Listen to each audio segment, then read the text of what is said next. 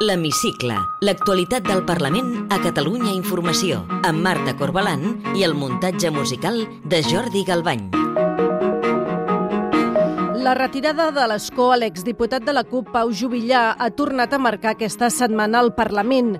La presidenta de la cambra, Laura Borràs, ha descartat dimitir per la gestió del cas i ha repartit culpes a Esquerra Republicana i la CUP per no acceptar el seu pla de desobediència col·lectiva.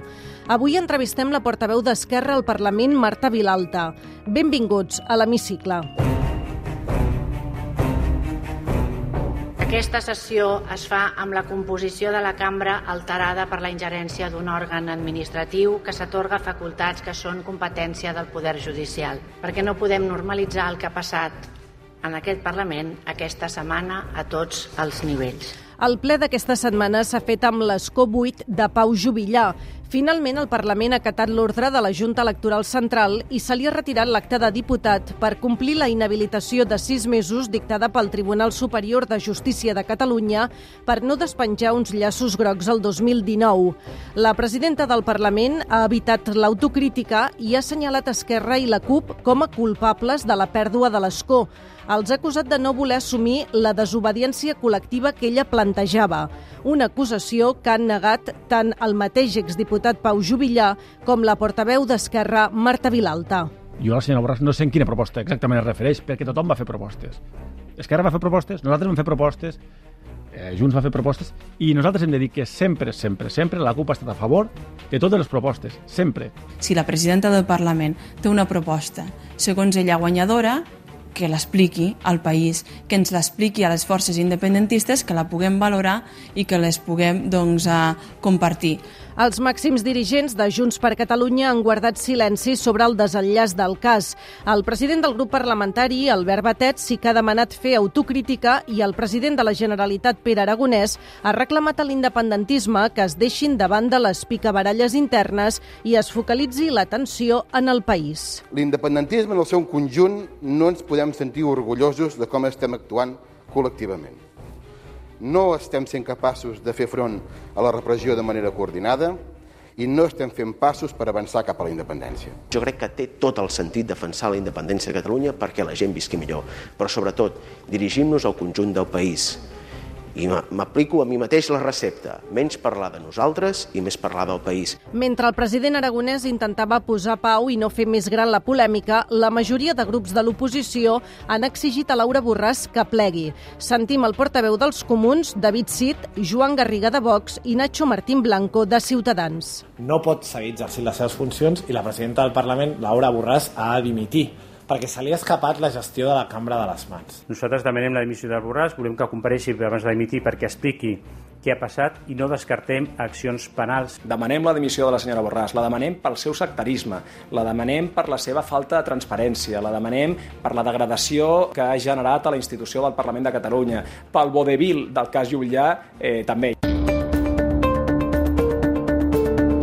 El cas Jovillà ha escardat un cop més la unitat de l'independentisme. Pere Aragonès ha intentat recosir-la, reunint-se aquesta setmana amb tots els partits independentistes, coincidint també amb el primer aniversari de les eleccions que el van portar a la presidència, que se celebrarà dilluns que ve. Però lluny de recompondre aquesta unitat, el que s'ha constatat és que no tindrà uns socis estables per afrontar la resta de la legislatura. Dolors Sabater és la cap de files de la CUP Guanyem. Nosaltres no ens considerem socis del govern en el moment en què no hem votat el pressupost, en el moment en què nosaltres no hem entrat a govern, en el moment en què no podem de cap manera avalar les polítiques que s'estan duent a terme.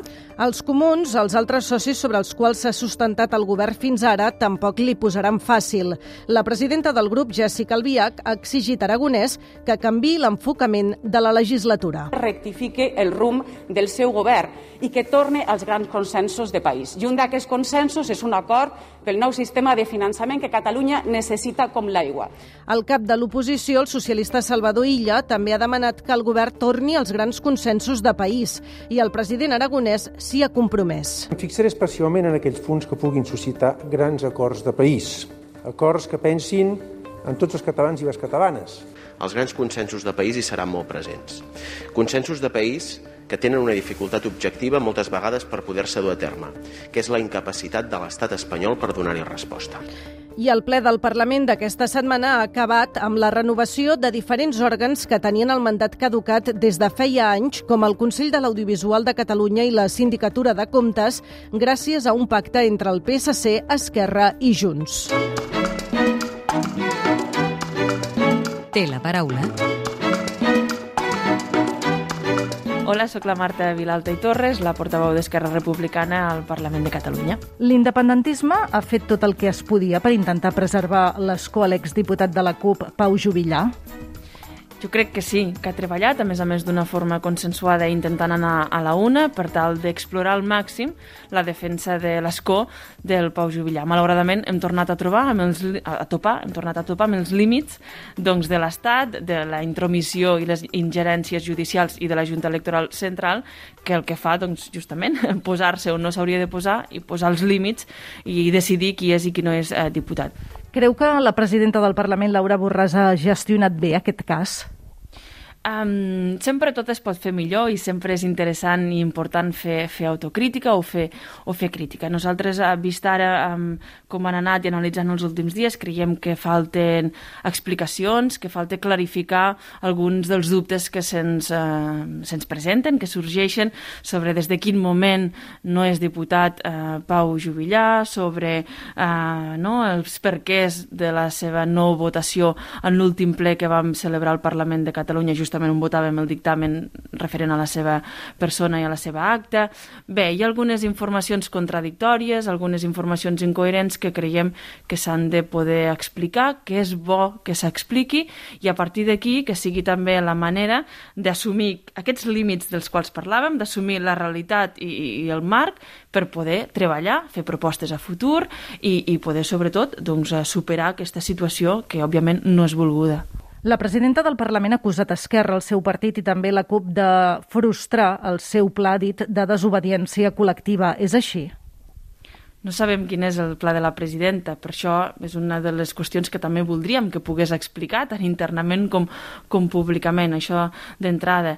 I mm, mai és útil expulsar culpes o buscar culpables mai, en cap dels sentits, tampoc amb el projecte que defensem des de l'independentisme, que el que convé és de trobar els punts en comú, de poder fer grans les fortaleses, um, d'anar a la una, de la unitat, dels consensos, de poder treballar conjuntament i d'entendre que l'adversari és l'estat espanyol, la persecució judicial, la repressió que no està cessant, i per tant no, no compartim la idea de buscar culpables, quan el, aquests, a més a més, són companys de, de viatge, de projecte, sinó que al contrari, el que convindria és veure en què es pot millorar, sempre es pot millorar, en què es pot millorar i com ho podem fer per mirar endavant i per mm, això, anar avançant en aquest sentit. Diu que han de treballar l'independentisme per millorar i afrontar el futur. Actualment hi ha més diputats al Parlament que estan immersos en processos judicials, alguns a les mateixes files d'Esquerra, que podrien acabar inhabilitats, com en Pau Jubillà. Com ho afrontarà l'independentisme? Es pot d'alguna manera evitar-ho? Um, segur que hi ha, hi ha maneres, estem parlant també per buscar mecanismes de modificacions normatives, modificacions legislatives, fins i tot des d'aquí el propi Parlament de Catalunya com a través de, si es pot, no? en la reforma del reglament que tot just ara començarem. Doncs quines modificacions normatives, legislatives i reglamentàries podem fer per tal d'intentar que situacions com aquestes no es tornin a repetir. I llavors recordem-ho, això no es, no es produiria si no hi hagués una repressió de l'estat espanyol. Si no hi hagués aquesta persecució obsessiva de voler inhabilitar aquelles persones que representen l'independentisme, com el Pau Jubillà, com va passar amb el president Torra, o com pot passar amb altres líders i representants de l'independentisme, això no estaria passant. Entenc que a banda d'una reforma del reglament, de fet ja enregistra la ponència per impulsar aquesta reforma, també eh, s'hauria de treballar o intentar eh, impulsar una reforma de la llei orgànica electoral. Aquesta pot ser una de les vies, eh, evidentment, eh, i per tant um, d'aquí doncs, també ve la, el problema, o on surt el, el problema d'aquesta situació, aquesta inelegibilitat sobrevinguda que se li ha aplicat al, al diputat Jubillà, que també li va passar doncs, al president Torra i que podria passar doncs, en, altres, en altres casos, per tant treballarem per veure no? a través de quins mecanismes podem també intentar influir en els, en els canvis necessaris, com sabem també que al nostre país tenim una mancança històrica històrica, que és la pròpia llei eh, electoral, i que, per tant, també hem, des d'Esquerra Republicana, insistentment, doncs, hem proposat d'obrir aquesta ponència conjunta de la llei, que estem convençuts que serà un dels reptes d'aquest any 2022 que podrem treballar i que, si més no, ens hauria de portar a tenir uns escenaris millors, més eines al nostre abast per tal de, de garantir la democràcia, de garantir aquesta separació de poders i, per tant, de, de poder intentar que tot funcioni millor. El president Pere Aragonès s'ha reunit aquests dies amb tots els partits i entitats independentistes per intentar refer la unitat. Es pot recosir aquesta unitat de l'independentisme si els seus socis de Junts per Catalunya i també la CUP no comparteixen en la via d'esquerra de negociar amb el govern espanyol? Ens agradaria que les coses fossin molt diferents. De fet, ens hauria agradat que de l'1 d'octubre ja fóssim una república, però això no va passar i això no ha passat. Per tant, l'exercici de veure quins són els aprenentatges, tot allò bo, bo que tenim com a moviment, que són moltíssims moltíssimes coses i allò que hem anat consolidant, però també analitzant quines són les mancances, quins són els reptes, què hem de millorar, creiem que aquesta és la manera, mirant, fent aquesta anàlisi global, és la millor manera per poder transformar aquesta realitat i seguir avançant. Però vistos els resultats i que no hi ha data encara per la propera reunió de la taula de negociació, Esquerra segueix confiant en aquest instrument? Veu sincerament el president espanyol amb voluntat de negociar el que demanen, l'autodeterminació i l'amnistia? És que creiem que l'independentisme no ens podem permetre renunciar a cap via democràtica que ens pugui acostar, que ens pugui ajudar a arribar a, a l'autodeterminació, a l'amnistia i, per tant, a la República Catalana. De fet, el que hauria d'estar fent l'independentisme, i convidem a tots els actors també que formen part de l'independentisme, no és tant criticar aquesta taula perquè no funciona, sinó seure'ns i entre tots dir com podem fer que funcioni, com podem pressionar més a l'estat espanyol. És això el que volem, no? Un any després de les eleccions, el govern no té uns socis estables. La CUP no va avalar els pressupostos i ara també podrien perdre els comuns després del rebuig d'Esquerra a la reforma laboral al Congrés. Veu el govern prou fort per afrontar i esgotar la legislatura?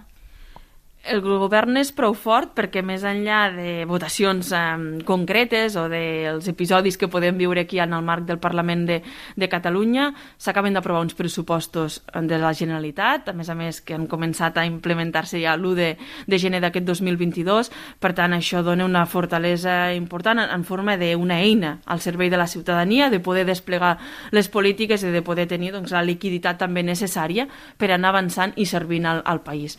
Considerem que això se li dota de fortalesa i és evident que no hi ha una majoria absoluta que et pot donar una certa estabilitat, però això simplement el que significa és que cal negociar molt més, que cal parlar molt més amb tothom. Nosaltres treballarem des del Parlament, des del grup parlamentari d'Esquerra i també encoratgem a treballar des del govern per anar consolidant aquestes aliances i, fer-les doncs, més, a, més estables i poder intentar trobar els punts en, en comú per anar, per anar desplegant les millors polítiques de país. Si li sembla bé, ara ja ens endinsem en el terreny més personal i li demano ara si pot contestar amb respostes el més breu possibles. Per què es va decantar per la política i no pel periodisme, que és el que va estudiar? Jo vaig estudiar periodisme per, perquè m'agradava molt i perquè era el que em volia dedicar de professió, però després la meva implicació personal doncs, amb les joventuts polítiques em va portar també pel camí de la política. En tot cas, la comunicació i la política són dos grans passions i ara d'alguna manera ho estic vinculant des de l'altra banda, però en tot cas fent de portaveu doncs, també tinc aquest cas d'Esquerra i del grup parlamentari, tinc aquesta capacitat de poder estar connectada amb la premsa i amb el món de la comunicació del periodisme, doncs que també és un, un gran què. Com ho fa per desconnectar de la política? Jo he fet patinatge artístic al llarg de tota la meva vida i això era la manera que em servia per no, desconnectar. Ara ja no patino tant i per tant eh, intento anar a córrer de forma molt esporàdica i si no, doncs fer les tasques de, de casa que també ajuden a, a treure't les cabòries de sobre. Quin diputat o diputada, ideologia a banda, fitxaria per al seu grup? Un dels diputats que segur que hauria fitxat és el Pau Jubillà. Té algun paisatge favorit? Catalunya té llocs eh, que són increïbles a nivell també paisatgístic i molt diversos, però si he de dir alguna cosa, jo em quedo amb, la meva, amb el poble, amb la meva comarca, amb la plana d'Urgell. I ja per acabar, completi la frase següent. El que més m'agradaria del món és... Que el país fos millor, i això voldria dir que el país fos una república catalana per a la gent, amb drets i, i llibertat per a tothom. Marta Vilalta, portaveu d'Esquerra al Parlament, gràcies per atendre'ns a l'hemicicle de Catalunya Informació. Moltes gràcies a vosaltres. Podeu tornar a escoltar l'hemicicle al web catradio.cat barra hemicicle o al podcast del programa. i seguir l'actualitat del Parlament al perfil de Twitter arroba L-hemicicle.